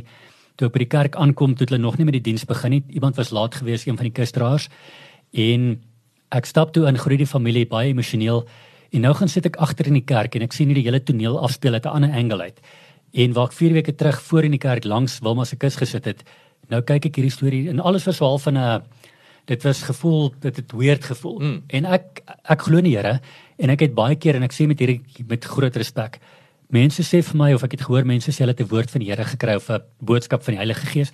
Dan dink ek bullshit man, wat 'n klomp rubbish is dit. Daai dag sit in die in die in die kerk. En die volgende oomblik hoor ek 'n stem en daar het niemand naby gesit nie. Drie banke voor my, niemand nie 3, 4 meter links en regs my, niemand nie, niemand agter my nie. En ek hoor 'n stem wat vir my sê Morna, jy gaan maandag begin met MD bewusmaking. Dit wat jy nou wou gelos het, gaan nie meer aangaan want dis wat Wilma se wou gehad het. Ek gaan aan daarmee moenie stop nie. En ek kry hoendervleis en ek's bang en ek huil want wie praat met my en ek het nie idee nie en ek weet vandag dit is die Heilige Gees van die Here wat vir my 'n duidelike boodskap gegee het.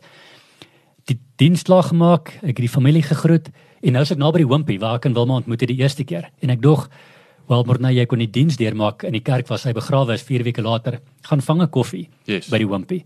Ry hompie toe kom by die hompie aan en ek stap in maar daai plek is gepek, dit is besig. En ek wil omdraai en ek loop want hierdie is 'n teken ek hier's ek nie vandag welkom nie. Ja, ja. En toe ek net wil uitstap, toe kom die waitress en sy trek my aan my hand en sê meneer asseblief kom in, daar het net 'n tafel oop gegaan. En sy vat my net die tafel toe en dieselfde tafel waar ek en Wilma koffie gedrink het, is die tafel wat oop gegaan het. Yes. En ek gaan sit daar en ek dog dit kan be, dit kan nie wees nie. En sy het geloop en vir my koffie gaan haal. En terwyl die die dame geloop het om my koffie te gaan haal, toe hoor ek daai presies dieselfde stem en haar stem het vir my duidelik gesê: "Gaan na al die plekke toe wat vir jou en Wilma baie spesiaal was. Gaan doen eh, gaan doen 'n projek daar." En die nommer 72 het ek 3 keer duidelik gehoor. Wat dit beteken het, het ek nie idee nie. Ek het nou al baie genalees na die tyd en ehm um, jy weet 72 is 3 x 24 en as jy nou die Bybel oogmet het, daar's klomp dinge wat ou kan gaan oplees raak en dit, maar ek het nie geweet wat dit beteken nie. En daai aand is ek huis toe baie emosioneel en toe kom ek per ongeluk af en ek glo daar's 'n doel met alles. Kom ek af op 'n uh, Guinness wêreldrekord van 52 halfmaratons op 'n treadmill in 52 dae. En ek sê vir myself, hoekom 53 doen as jy kan 72 doen? en dis waar die 72 vandaan gekom het en um, ek het uh, ek het toe die maandag het ek weer begin oefen en uh, nie verskriklik baie nie, maar dit is toe waar die waar die 2019 projek se beplanning begin het om en my doel was toe om 72 halfmaratons en 72 dae op 'n treadmill te gaan doen. En ek het toe na al die plekke toe gegaan wat vir my en Wilma spesiaal was, onder andere in die Kaap, na 'n paar plekke toe daar, meeste in Gauteng natuurlik. En ehm um, ek het uh, die 24 September 2019 het ek suksesvol klaargemaak um, op braaidag van alle dae en ek het toe daai rekord oortref en ek's baie trots daarop. Maar nou moet ek bysê net voordat ek daai uh, 72 dae begin het, 3 weke voordat ek begin het, was ek Amerika toe gewees saam met 'n ander groep mense, uh, Talent Africa. Hulle doen um hulle het uh, dis 'n talentkompetisie en 'n klomp jong mense Amerika toe gevat en ek het dit saam met hulle gedoen as een van hulle spanleiers en net voor dit het ek 'n jong dame ontmoet met die naam van Andrea. En ek en Andrea het 'n interessante paadjie gestap en um, ek het nooit gedink en hierdie sê ek weer met respek, ek het nooit gedink 'n dooie vrou kan vir my soveel moeilikheid gee nie. Ek en Andrea het koppe gestamp en ons het 'n pad gestap en ons is vandag nog saam. Ja. Daar was 'n tyd wat ons bietjie bietjie weg van mekaar was. Maar daar was baie ek het baie geleer en ek het baie besef dat ehm um, partykeer moet 'n mens nie net dinge uit jou oogpunt uit kyk nie, maar uit iemand anders se oogpunt uit. En ek het 'n business coach ontmoet, Bertus de Wet, en Bertus het eendag vir my ek en hy het oor Wilma gepraat toevallig, want soos in besigheid jou persoonlike lewe speel 'n groot rol in wie jy is en wat jy is en hoe jy dinge aanpak. En Bertus kom toe eendag na my toe en hy sê toe vir my, ehm um, ek weet nie of ek hierdie al ooit vir Andrea vertel het nie, hulle toe gaan dink, sy gaan hierdie luister so sy gaan dit hoor, wat dalk 'n goeie ding is. Maar in elk geval Bertus sê toe vir my, "Morney, um, en ek ken nou vir Bertus goed, ek stap op pad met hom." En hy sê te vir my staan op uit jou stoel uit en ek staan op en Bertus kom kom staan langs my en hy staan letterlik teen my en hy sê vir my Morney voel jy ongemaklik. En ek sê vir hom well, Bertus hierdie is nou nie heeltemal ideaal nie maar nee ek voel nie te ongemaklik nie ek meen hy sê my okay gaan lê plat op die grond en ek gaan lê op die grond op my rug en Bertus Bertus kom staan boor my wydsbeen boor my en hy buig af en sy gesig is so 20 cm van my gesig af. Hy sê vir my voel jy nou ongemaklik. En ek sê vir my nou voel ek blerry ongemaklik. Ek het eintlik 'n ander woord gebruik. Geen donder. Daar sê en hy sê toe, hy sê vir my mamma en hy staan toe op en ek is toe nou terug in die stoel en ek is toe 'n bietjie meer gemaklik en hy sê vir my maar dalk is dit hoe Andrea moontlik kan voel oor Wilma want ek en Wilma het hierdie sprokiesverhouding gehad, nie net op Facebook nie, want al ons goed is op Facebook, maar ons het 'n sprokiesverhouding gehad. En ek dink baie keer het Andrea vasgevang gevoel en bedreig gevoel deur hierdie dooie vrou.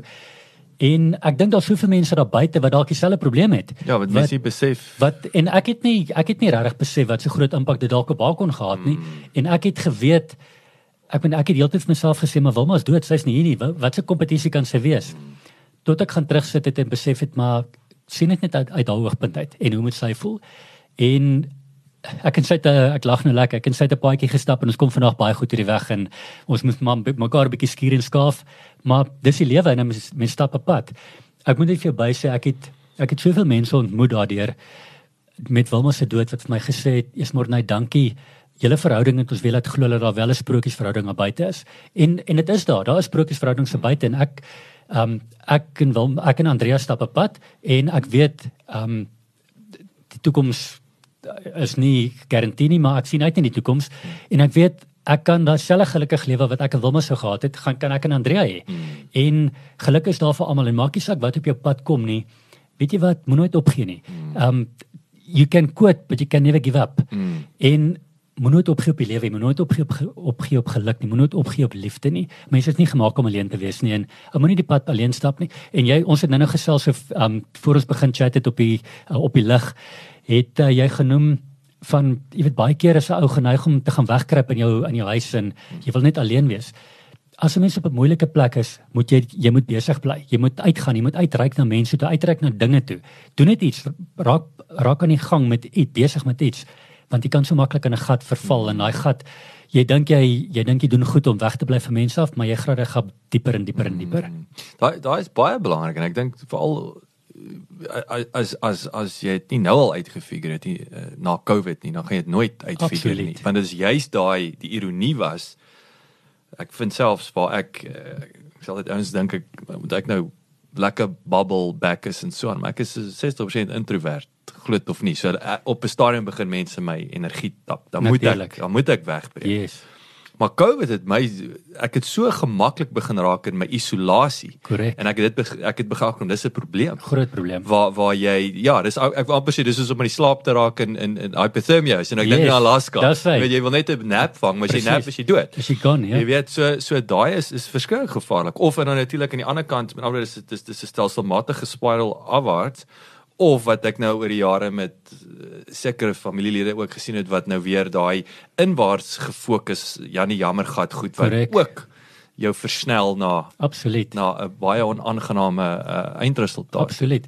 En um, op die einde van die dag is jy you get what you focus on.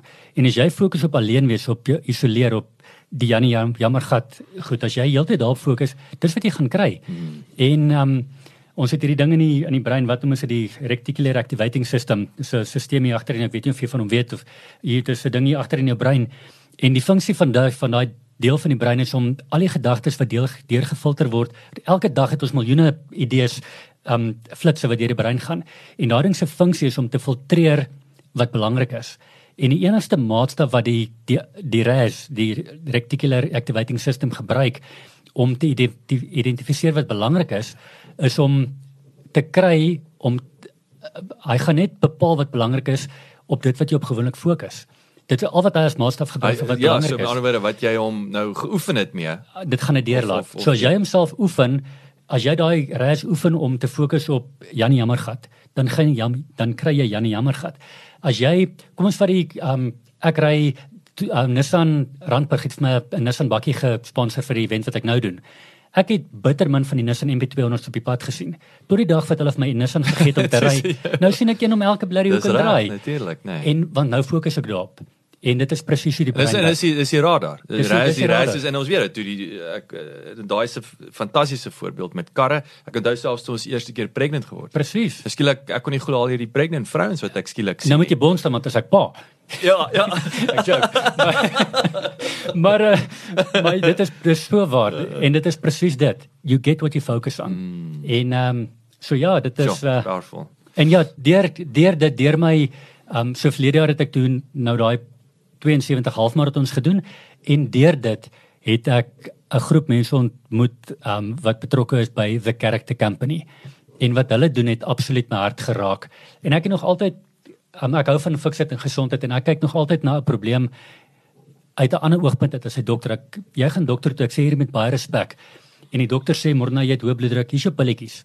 Nie altyd nie, maar 90% van die tyd is dit wat dokters doen. 'n Simptoom Simptoombehandeling. Ja. En ek sê nog altyd as jy die oorsaak wegvat of die oorsaak aanspreek, gaan die simptoom weg. Character Company doen langtermyn mentorskap vir jong seuns wat met afwesige paas groot word. En as ons kyk na die probleme in ons land, 4 uit 5 seuns in ons land met die statistiek wat hulle op werk, 4 uit 5 seuns word groot met 'n afwesige pa. Meer as 90% van mans in ons tronke vandag, volgens studies, kom uit 'n omgewing uit waar die die stats wys hulle het geen positiewe manlike rolmodelle in hulle lewe gehad nie.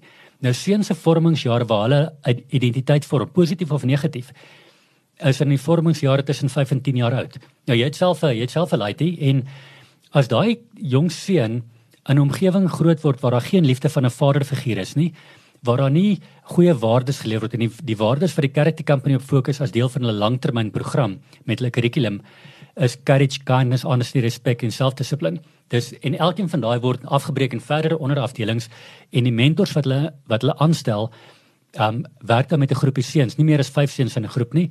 Alles wat hulle doen is aktiwiteitsgedrewe. Maar as, as jy as jong man nie jou identiteit vorm in daai jare op 'n positiewe manier uit 'n plek uit waar daar liefde is, waar daar omgee is, waar daar 'n paas wat saam met jou gaan balskop, wat jou leer die hart van die Here leer ken byvoorbeeld nie. Wat die belangrikste is, wat nie meer gebeur vandag nie.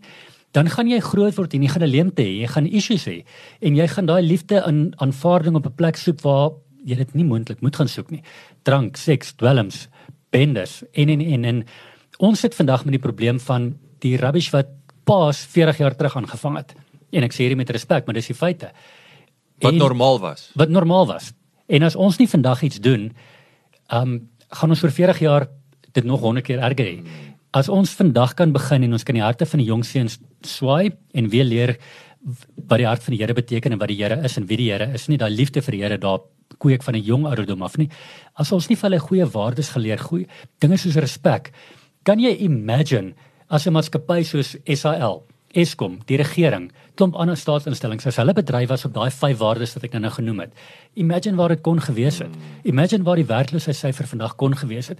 Imagine as al die COVID geld korrek bestuur was uit 'n uh, vorm van goeie waardes, respek vir ander mense se gesondheid, se tyd vir geld, eerlikheid. Dit gebeur nie. ek en jy Jacques, ons gaan nie rasisme, korrupsie, um gender-based violence, ons gaan daai dinge, ons gaan dit nie stop in ons lewenstyd nie, maar iewers moet ons begin met iets. Mm. En ek het gevoel hier wil ek aktief betrokke raak en ek wil op my manier op die platform wat ek het dalk met die crazy goed wat ek aanpak, wil ek iets begin doen en ek wil betrokke raak. En toe het ek die Be That One campaign begin vir die character company en uh, ek het nou daarmee begin die 2 Oktober.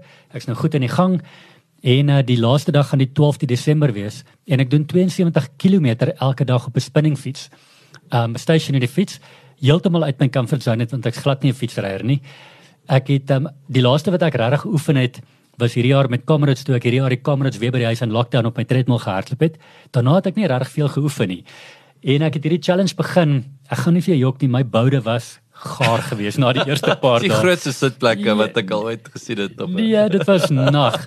Maar weer eens, dit wys jou net jy kan iets uit jou comfort zone uit doen. Hmm. Ons lyf is tot baie meer in staat. Natuurlik met die krag van die Here. My gunsteling teks vers uh, Filippense 4:13.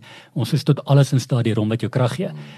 As ons dink ons kan nie meer nie, as ons nou eh, goed moeg is, eintlik as ons net gatvol, want ons is nie regtig so moeg dat ons nie meer kan nie. Ons wil net nie meer nie. Mm, jy gaan gym jy doen jou squats en as jy na jou derde stel by 12 kom, dan dink jy maar ek kan nie meer nie.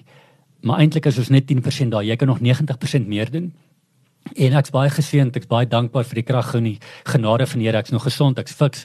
Baie fikser as um as aan die begin van die projek.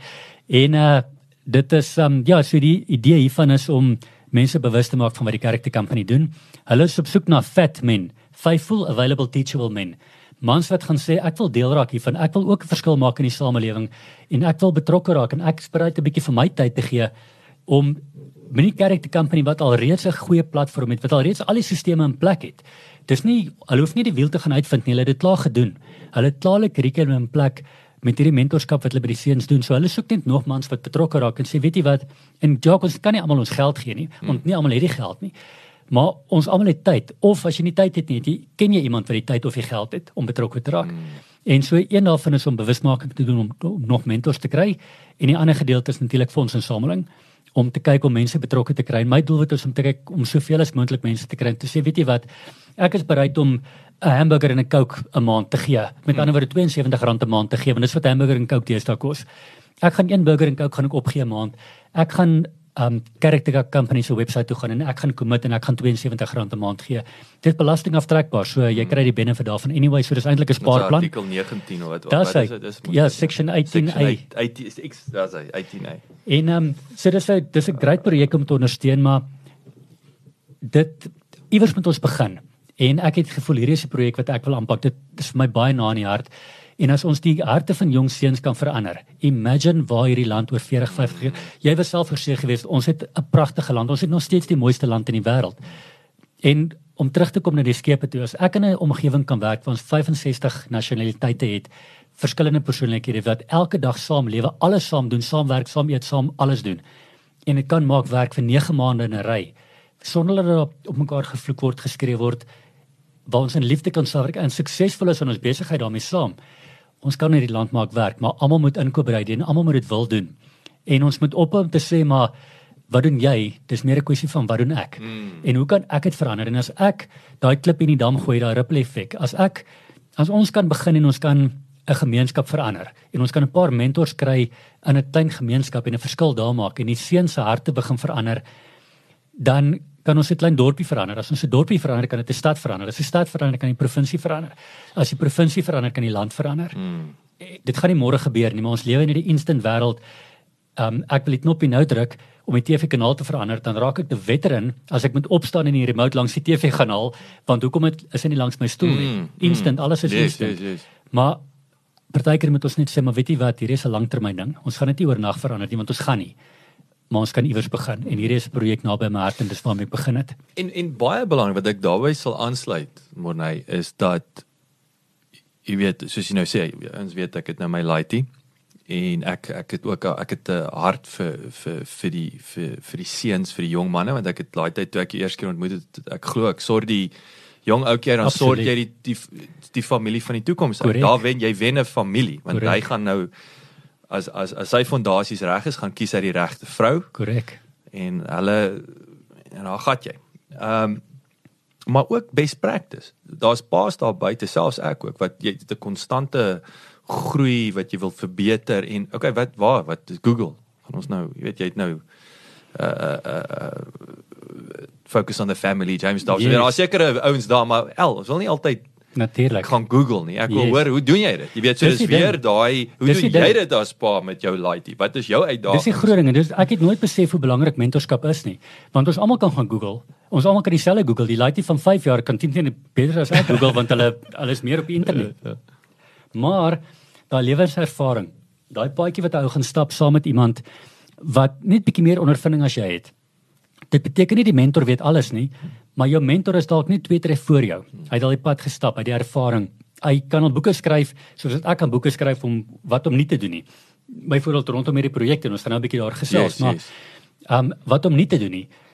Maar die mentor het dalk net die paadjie gestap en kry iemand wat jy gemaklik mee is, kry iemand wat bereid is om jou uit jou comfort zone uit te haal. As jou mentor jou nie challenge nie, dan beteken dit jou mentor doen nie sy werk nie. Hmm. Want jy moet iemand solank alles uit 'n uit 'n omgewing van liefde en omgee uitkom, is dit great. Maar jou mentor of wie ook al jy in jou lewe het wat wat jy op pad mee stap, alles is net jou vriend, moet jou challenge en jou elke dag wil ver, laat verbeter. En as jy nie so bietjie ongemaklik is daarmee nie, dan roer dit nie die regte snare nie. Gaan lê op die grond. Dis hy. net so. Hoorie so ja, dis inspirerend en ons sal in elk geval ons sal in die show notes sit eh, en en, en, en as ons hierdie post die character company en so aan ons al daai goed te share. Ehm um, en ek dink dit is baie belangrik. Ek was iets wat ons wat ek graag ook meer met julle sou betrokke raak want ek weet ook nie ek is bewus van hierdie hierdie tipe van ding. Natuurlik. Jy weet yes. so dis die ander kant daarvan nê. Nee, dis ek sê al gaan Google jouself sal jy nie eers Korrek. Dit sommer net kry nie. Maar kom ons praat 'n bietjie. Ek het ek het vir jou voor jy het nou nou gepraat van Nissan wat wat jou, jou bakkie wat hier buite staan, wat jy skielik hulle begin raak sien dit. Praat kom ons praat 'n bietjie commercial. Die commercial om met wat jy nou gesê het wat om nie te doen. Hoe lyk hierdie? Want ons het nou ons het Leilani 'n kieter met daai yes. hele for survivors wat nou onlangs ook weer daar stappe gedoen het. Hoe werk dit? Jy weet vir ouens wat dit wil doen daar buite, die skeptiese poepolle wat dink yes. jy jy jy steel geld of of, of yes, jy doen dit net daar seker altyd raai of skep. Ons Afrikaners is ons wonderlik skepties. So jy daai kant, so wat wat weet om daai mite se keel af te sny en aan die ander kant weet wat om nie te doen nie yes. en dan ja, gee ons net 'n snapshot van van tipies so hoe so 'n projek sou yes. sal Om like. te begin, wat ek wat ek geleer het is moet vind net jou dinge af van wat ander mense sê. ek ken ek ken my hart en die Here ken my hart. En ek het dit het my lank gevat om by die punt te kom waar dit 'n kwessie is van weet jy wat ek doen wat in my hart is en ek voel absoluut te veer wat ander mense dink. Solank ek vanaand en môre myself in die spieël kan kyk en heeltemal happy is met myself en myself nie bullshit nie, dan moet ek moet eerlik wees met myself, dan is dit reg. So dis baie belangrik, wees eerlik met jouself. Die grootste ding wat ek geleer het is jy moet na jouself kyk vir baie baie lank en ehm um, dis nie altyd lekker om te erken nie want die veral die besigheidsman nou daar buite as jy moet nou maar jy's 'n aap gewees, hoe kan jy dit so doen? Ek het vir baie lank het ek al my spaargeld gebruik om myself in die gang te hou om hierdie om hierdie goed te doen. Omrede ek juis bang was vir die ou daar buite wat gaan vangerwys en sê ouma jy doen hierdie net vir die geld, jy doen dit vir die mm. um en mense sal partykeer verbaas wees as hulle in jou bankbalans kom kyk om te sien hoe jy lewe en wat jy doen en hoe jy al jou eie fondse gebruik of familielede wat jy ondersteun net om te kan aanhou hierdie passie van jou volg. Maar dis die domste ding wat jy kan doen want as jy nie sustainable nie. Glad nie, dit is glad nie. As jy nie na jouself kyk nie, Um en ek ken vir Lelani en ek en Lelani het al hierdie gesprek baie gehad. As jy nie na jouself kyk nie, dan kan ek nie um ek kan dalk nog vandag 'n verskil maak, maar as ek nie my rekeninge môre kan betaal nie, kan ek môre niks vir niemand beteken nie. Yes, yes. En dis die grootste fout. So ek kan boeke skryf vir wat om nie te doen nie. Die manier hoe ek dit begin aanpak het, besef ek dit is as jy iets soos hierdie wil doen, tensy jy gelukkig is en ek sê nie dis onmoontlik nie, maar hierdie jaar was 'n baie moeilike jaar. So COVID het die hele wêreld, daar's geen ou in die wêreld wat kan sê COVID het hom glad nie geraak nie. So hierdie was 'n bitter moeilike jaar vir om 'n projek te doen veral vir fondsinsameling, selfs net vir 'n R72 'n maand by iemand. Dit is moeilik. So wat die die fondsinsameling vir hierdie projek aanbetref, dit gaan baie moeilik en stadig. Maar wat ek besef het, wat ekskuus, wat is die teken? Ek het oorspronklik vir myself gesê ek wil 5184 mense wat elkeen R72 'n maand commit. So nou, is dit dan nou? As ons as ons dan begin praat, dan praat ons van give or take R500 000 'n maand. En glo vir my, ons is bitter ver daarvan af. Maar een ding wat ek wat ek besef het is 'n mens moet nooit miskyk al die alles wat jy doen. As jy alles en dis hier is my opinie, as, as ek aanhou alles doen, my hart is op die regte plek en ek aanhou gee en gee en gee met met jy seker maak dat jy net jouself kan kyk. Jy moet jy moet inkomste kry. Jy moet mense kry. Nou, ek het nou 'n paar mense, nie baie nie, maar ek het 'n paar mense wat my begin finansiëel ondersteun, um laat ek my eie rekeninge kan betaal. Want hierdie is my werk, hierdie is wat ek doen. En ek het vir baie lank het ek self skuldig gevoel oor eers maar Jock, jy kom ran jou besigheid, maar ek sit op 'n fiets en ek trap, maar dis my werk. Dis my platform wat ek gebruik. Um kom sê ek sê atleet vir die dag en ek doen dit so dit het my baie lank gevat om daai platform te kry waar ek nou is waar mense kan sien maar weet jy wat ons wil graag ons brand koppel aan uithou vermoë, aan guts, aan commitment, aan yes. En dit begin nou eers na nadat ek in 2015 daarmee begin het. Begin dit nou eers ons trek in. Nee, maar jy het ook credibility. Jy het credibility. Ek wil yes. dit is jy's nie 'n fly by night nie en yes. ek dink dis die ander ding wat ouens wil sien. Yes. Ek onthou daai dit, dit ek selfs ek onthou met klipkous. Dis kom ek altyd ek sê dit nou dalk nie met 'n goeie hart altyd ek ek lag altyd as ek hoor ouens wil. Ek sê ek lag. Ek gaan nou nie in lag in 'n ou se gesig nie. Maar waar ek ouens sê ah, ek wil 'n podcast en sê ja, is nice. Um, maar ek ek dink jy verstaan wat dit beteken nie. As daar's da 'n rede hoekom ek 5 jaar later en ek ek sukkel ten spyte van hoe makliker dit geword het om goed te doen want jy doen sekere goed outomaties. Absoluut. Maar om daai consistency en, en en dit is gelyk aan kredietwaardigheid. Presies en baie mense het verlede jaar vir my gelag toe ek sê ek gaan 72 dae elke dag halfmaraton hardloop en toe ek dit klaar gedoen het, toe stel mense vir my sê wow, Morney, well done. Hmm. Um en toe maar jy gaan dit nie weer kan doen nie. En nou sê ek vandag waar ek hier sit is dit dag 43 wat ek klaar gemaak het. Yes. En enigiets kan môre verander, maar ek is positief en ek glo ek gaan volhou daarmee met die krag en die genade van die Here, maar uh, daai credibility is belangrik en hou net aan. Just never give up. As dit jou passion is en hier is my passie, ek wil aanhou om verskil te maak. Moontlik is daar dalk 'n volgende projek, dalk 'n ander ietsie betrokke of dalk um, begin ek my eie ding, wie weet. Maar gee elke dag 100% en moet niks terug verwag nie. En dit is dit is 'n verhouding. Hmm. Enige verhouding mense sê dis 50-50, maar ek glo verhouding is 100% gee, niks terug verwag nie. Dan as ek 100 gee en Andre gee 100, dit is 200%. Hmm. En magic, great. Maar ou aan gee moet niks terug verwag nie. En hierdie um ek gaan aanhou gee en gee en gee. Die um 'n projek soos hierdie weet ek die die finansiële sy daarvan is dalk nie vandag waar ek dit wou gewees het wou gehad het nie. Maar die saadjie wat hy plant, jy weet nooit wat oor 'n jaar gaan gebeur. Hierso is jy vandag jy dalk nie van die kerk te kampanje geweet nie. Maar oor 3 weke staan jy met jou pel rank langs die braaivleisvuur en praat en jy praat oor die probleme in die land en die liggie gaan aan en sê maar weet jy wat kerk te kampanje, hulle kan dalk 'n verskil maak en jou pel besit dalk wat se maatskappy en hy sê maar weet jy wat ek moet bietjie vir my belastinggeld op 'n goeie plek mm, mm, mm. weet weet 'n plek vir die belastingman gee kom ek gaan belê dit in 'n maatskappy wat um goeie werk doen want ek kan die belastingvoordeel kry. Mens weet nooit wat die dag van môre inhou nie. So hou net aan, hou net aan, hou net aan. Dit is dit is nie as hierdie iets is wat jy wil doen tensy jy iemand kry wat eenmalig vir jou groot bedrag geld kan en wil gee, dat jy 'n once off ding wil doen.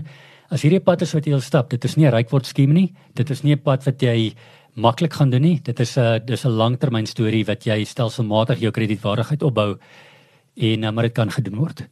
Wat is uh weet as as mens gaan kyk Suid-Afrika, ons praat 'n bietjie na jy weet die non-profits. Ek weet uh, ek onthou oor die jare in Engeland as as 'n as 'n as 'n liefdadigheidsorganisasie nie 80% weggegee het nie. Dit dit dit is best practice yes. en ek is dit in Suid-Afrika nog die geval. Ek ek weet Suid-Afrika is ook sy eie grootste vyand met dit yes. want want ek dink hier kan jy 80% op overhead spandeer as jy 'n charity yes. nou kom die girl nou met 'n BMW om die draai skryf wat wat nou jy weet. So dit dit voel vir my nou weer daarso is hoekom ek sê yes. ook nie verbaas hoekom ouens skepties is. Ek ek is glad nie verbaas dat mense skepties is nie. Uit die pad wat ek met mense begin stap het is ek ek weet mense het my harte aanraak gesien en mense um het my begin vertrou ek self het nie my eie um non-profit of charity besigheid nie. Dis hoekom ek dit nog altyd deur iemand anders te doen. Ek weet nie wat's die legal die legal um aspek van hoeveel mag jy weggee um nie weggee nie. Hoeveel mag jy gebruik vir overheads vir salarisse en daai goed. Maar ek weet die persepsie daar buite is baie mense is skepties om geld te gee want yes, hoekom um hoekom moet ek R50 vir maatskappy X gee, maar hulle gaan R40 gaan hulle gebruik vir salarisse hmm. en R10 gaan dan om vir sunny kos te koop wat die oorspronklike doel was. So daar's 'n baie fyn lyn. Um ek sê altyd um gaan in die ouens toe. Gaan vra vir ons as jy skepties is, gaan na 'n kerk te kan binne. Sê vir hulle maar weet jy wat, wys my jou boeke. Mm. En as hulle niks het om weg te steek nie, dan gaan hulle boeke oopmaak vir jou. So maklik soos dit. Mm. En as hulle dit nie wil doen nie, dan moet daar ook jou aangaan en sê Oh, maar dis al klaar. So dis jou eerste asset test. Kan En- ek die boeke sien asseblief? Presies. Ja. So dit is iets wat ek altyd vir mense sê, weet jy wat? Um en dan tydens lockdown het Charity Company kospakkies gedoen. En hulle kon presies en ek het gehelp met die verpakking van baie daai goed. Hulle kon presies vir jou sê, "Jacques, jy het R50 gegee." Jou pak, jy kan nie vir jou presies sê, "Oké, jou R50 het presies vir daai huis gegaan nie." Maar op daai dag het ons daai kos gaan aankoop met daai geld wat jy gegee het. Alles traceable. Alles is traceable, foto's van waar die pakkies afgegee is, nie mense se gesigte afgeneem nie, maar foto's van hulle voete afgeneem en die adres waar dit, jy weet die straat Yes. ten minste waar dit Yes. was. Dit is belangrik, so daar moet deursigtigheid wees, daar moet oop kaarte gespeel kan word en um, en weer eens gaan kyk wat die ouens doen. Um gaan soos ek gebruik 'n charity company waar ek nou baie nou betrokke is. Gaan kyk wat die ouens doen. Gaan saam met hulle op kampe. Um in plaas van om net jou opinie te gee, ry uit na hulle toe en gaan praat met die mense en vra vir hulle wat gaan vir wat en daar's baie mense wat nie hulle geld wil gee nie en dis dis dis oukei. Okay. Maar as jy 'n verskil wil maak, as jy skepties is om nie jou R100 te gee nie, wat van jy gaan gee uur op 'n naweek en gaan kamp saam met die ouens en Ja. gaan speel saam met hulle 'n paar speletjies en vind vir jouself uit. Maar ons ons praat maklik, ons wys baie maklik vanger, maar ons is nie altyd bereid om om die ware feite uit te vind of die um om die die velwerk te gaan doen nie. Ons is nie bereid om ons hande vuil te maak nie. Mm. Dit is dis maklik. Jy weet ons kan coach van die van die rugby stoel af in die in die kamer van die die rusbank in die in die sitkamer. Ja, ja, maar ons ja, wil nie ons gaan coach experts. wees. Ons Yes. is experts, maar ons wil nie gaan coach in die week nie. Mm, Dis dis baie waar, né? En en die een ding wat wat mense ook en ek en ek ek, ek herinner myself, né? En ek het oor die jare ook waar, waar ons met non-profits te doen het, ek vir ouens ook sê jy moet jou jou produk of die oplossing wat jy bied, moet jy soveel moontlik verskillende produkte opchop. En wat ek daarmee bedoel is um kon sê nou byvoorbeeld so party ons weet ons is is baie nou betrokke met president Kreer kinderhuis in in die moed. Um, Yes. Weer eens ons het ek my hart is vir Yes. vir, vir in hierdie geval dis dit Giovanni klein Giovanni en dan en en, dan het jy president Kreer kinderhuis in in Reddersburg in Vrystaat. So dis natuurlik nou weer die emosionele Vrystaat koneksie. So met Daniel is ons daar ook betrokke. Nou obviously nie jy weet jy gaan nou nie die kind vir naweek in Reddersburg nie. Maar so ons hart gaan vir vir vir vir die laity en dan daarso was dit waar hulle speelterapie moet inkoop van Bloemfontein af vir vir die vir die jong dogtertjies veral. Jy weet wat nou shots, emosionele shots en goeters gevat het. En dit is wat ons ons geld is measurable. Dis alle en is measurable. Ek het Yes. yes. ons het as 'n gesin gesê as ons julle X gee per maand, wat beteken dit? Nee, Yes. ons kan vir elke Dinsdag 'n arbeids 'n speelterapeut inbring en hulle gaan 10 10 dogtertjies gaan bedien word weekliks. Nou weet ek dit. So ek weet as ek volgende, jy weet so dis daai measurable en dis jou hart. Natuurlijk. So dis weer ook moet nou nie 'n ou gaan afskiet wat 'n charity is. Jou is jy nou nie hart het vir seuns of verstaan Natuurlijk. wat dit beteken nie. Hou nou maar jou bek en maar gaan kry vir jou iets wat as dit skoene is, Dis dit. dis dit dis nie altyd kos Absoluut. en klere en education. Andrea byvoorbeeld, ekskuus ek val in die rede, maar Andrea byvoorbeeld, halfte is is diere. Kyk, as jy net iets kan red van 'n skilpad tot 'n donkie, dan gaan ons hom red. En uh, dit is sy. En dis wonderlik. jy nou my dogtertjie met die voeltjie vanmôre gesien. Presies net so. Dis hoekom ek so lekker gelag het. Ek hou van Andrea hier weg want sy gaan net voeltjie wil red. Maar ons ons kan nie altyd almal help nie, maar elke dag kan ons iemand help. En as jou hart by seuns lê, kry doen dit. Maar as jou hart by by 'n donkie lê, weet jy wat gaan help by donkie? Absoluut. Maar maak 'n verskil. Ja. Want ehm um, jy weet en ons wil nie die kerkie inbring nie, maar as ons um, regtig glo wat in die Bybel staan, dan moet ons ons tiende gee. En ek voel in my hart, jou tiende is dalk 'n tiende van jou tyd ook. Jy weet, dit is die ander kant om daarna te kyk, maar maar wat doen Wat jy? amper moeiliker is. Dit is baie moeilik. Is, is, ek wil sê geld gee Ja, is is is 'n maklik. een om om die- probleem te gooi. En die die ek ek en jy praat vandag hier lekker en ek dink ek kry meer uit hierdie sessie uit as wat jy vandag het gekry want ek leer en ek geniet dit en ek raak geïnspireerd met dit wat ek by jou leer. Maar om 'n om fisies jou tyd te gee om om na 'n kom ons beweeg van van die kinders af om na 'n 'n plek waar hulle honde rehabiliteer om jou middag daar te gaan spandeer om weer daai empatie, daai liefde vir die honde te kry, daai omgee te kry en dit wat jy daai kry as mens om net vir jou tyd te kan gee. Jy loop al weg baie emosioneel, maar jy's verryk as mens mm. om om 'n seuns een keer 'n week 'n te gaan oplaai en met hulle tyd te spandeer. Glo vir my, die groepie seuns wat ek help elke week, ek kry meer uit as sê het as vir die seuns kry. Alhoewel hulle baie daai baie daai kry want hulle Yes. hulle kry daai pa figuur. Hulle kry iemand wat hulle op die rug gooi en wat hulle op die gat skop en wat saam met hulle bal skop en wat hulle uit die boom uit laat spring want mamma is te versigtig. Mamma wil dit nie doen nie want mamma die die moeder omgee haar. Ja, ja. Maar waar ons bietjie meer avontuurlustig is, mm. maar ge- as jy jou tyd begin gee, jy as mens sal soos wat ek glo ons met elke dag lees. Jy weg van jou tablet af, skryf jy 'n lekker boek wat jy kan blaai en jy voel die bladsy in jou hand, wat dit jou as mens verryk. Jy sê dit fiksie of enigiets is, um, besigheidsboeke is, maar doen dit. Mm. Maar die daar sekere goed in hierdie hierdie tipe ding om jou tyd te gaan gee vir iets en vir iemand en vir 'n kos naby in jou hart. Jog, dit verander jou lewe totaal op 'n goeie manier, totaal en al.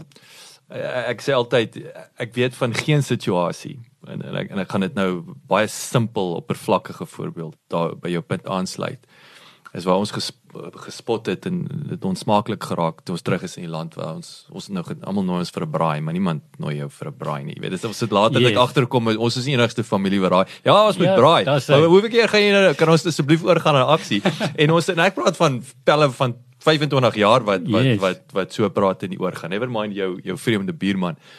En ons het net op 'n punt gekom waar ek vir Christina gesê het ek's nou gatvol vir die storie. So wat ons nou gaan doen is ons sal elke maand iemand nooi vir 'n braai. En en dan was nou skop jou ego en soos nee man, die mense se moed. Toe sê ek vir ons het nog nooit sleg gaan slaap nadat ons goeie gasheere was en en en en en en vrygewe was teenoor mense. En daai is my punt. Absoluut. Jy jy gaan slaap nooit sleg vanaand. Jy jy jy dink is moeite. Dis altyd daai is, is 'n lykheid Yes. nê. Nee, ek is nou lus om met die laity te gaan speel. Ek is nou lus om soontoe te ry nie. Tot jy dit doen. Korrek. As jy sê daai vervulment en en en en en en dis dit beter om te gee as om te vang. Is dit is dit is dit is universele feit, nê. Nee. Absoluut. Ons vergeet dit net. Ons ons lei lei gatte. Net so. Monay, dit was awesome om jou te praat. Dankie dat jy jy het weer is die tweede keer wat jy hier by Boma kom Yes. sit is is heerlik om jou hier te gehad het. Jy's 'n inspirasie, Pel. Jy weet dit dit is nie en ek sê vir jou jy laat maklik lyk. En dis altyd die gevaar. Ou wat dit laat maklik lyk kan dink jy ja, nee, wat 72 kg 'n dag. Nee, wat? Nee, maar jy laat dit regtig maklik lyk. So, Ja, Jacques, ek so waardeer. well done. Ek waardeer dit dis so lekker. Jou- Julle plek hier is amazing en dit is uh ek sien uit na volgende jaar wat ons 'n paar goed hier kom doen. Mm. Ehm um, maar baie dankie. Dankie vir jou hart en dankie vir jou tyd en 'n mens kan net al wat al wat ek hier sien is jou hart en alles. Ehm um, in die klein goedjies van jou Parys uh, goed in die muur en ehm Ja. um, die manier hoe jy boerierolls hier buite maak met liefde. Dit is dis amazing so baie dankie daarvoor. Ja, verskriklik dankie Monay, ek waardeer. Maar ons ons uh, ek hou jou fyn dop, né? Nee? Ons ons uh, ek ek kan nie wag vir daai. Maar jy sê 12 Desember. 12 Desember. Maar verduidelik daai ek weet eh, noem net vir die ouens gou-gou 12 Desember waarso So en dan is daar 'n geleentheid Yes. vir ouens om te kom saam. Dit sal great wees. So ek het daai dag 72 fiets op saam met my daar. So ons wil hulle almal graag volmaak. So ek dink dit? dis by die Valley View sentrum uh, sentrum in Kreersdorp by die Planet Fitness. Dit is op Robert Broomweg. En ons gaan 72 f- spinning fietsse buite hê en lekker met atmosfeer, musiek en alles en jy kan dalk nog geboerie daar kom braai. En uh ons gaan ehm um, fiets is 1000 rand 'n fiets. Okay. So wat meeste van die mense wat al klaar commit het doen is hulle sien nie kans vir 72 nie, maar hulle sien kans vir 7.2. Alraai, so 'n klomp buddies kom. Klomp buddies hulle, elkeen- hulle is verantwoordelik vir dis hulle fiets Dis vir die, hulle fiets. vir die vir die Die 72 10 kilos. pelle gooi uh, elkeen bring 10 biere. Lekker na die tyd gaan ons kuier want ek gaan 'n paar bruisdrankies na die tyd gaan ek vat. maar elkeen gooi 100 rand in die pot en as die 10 ons in die fiets is vol. En dit is great. Dit is 'n lekker team building event. Maatskappye sê, weet jy wat ons vat? Ons het 50 mense, ons vat 5 fietsse en ons gaan daai 72 kg gaan ons opmaak um, op elke fiets van daai. Sure. So ons wil graag al al 72 fietsse volmaak.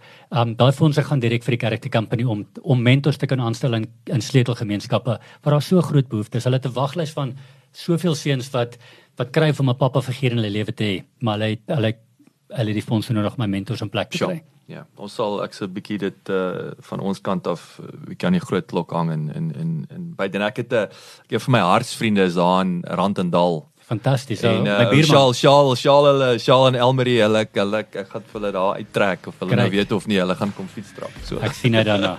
Jacques verskriklik baie dankie. 'n Dankie eer vir en voorreg. Morne. Dankie. Baie dankie dat jy geluister het. Vir 'n opsomming en notas van die episode, gaan asseblief na ons webwerf www.klipkouers.com en teken sommer in terwyl jy daar is, dan kan ons jou gereeld op hoogte hou. Baie dankie.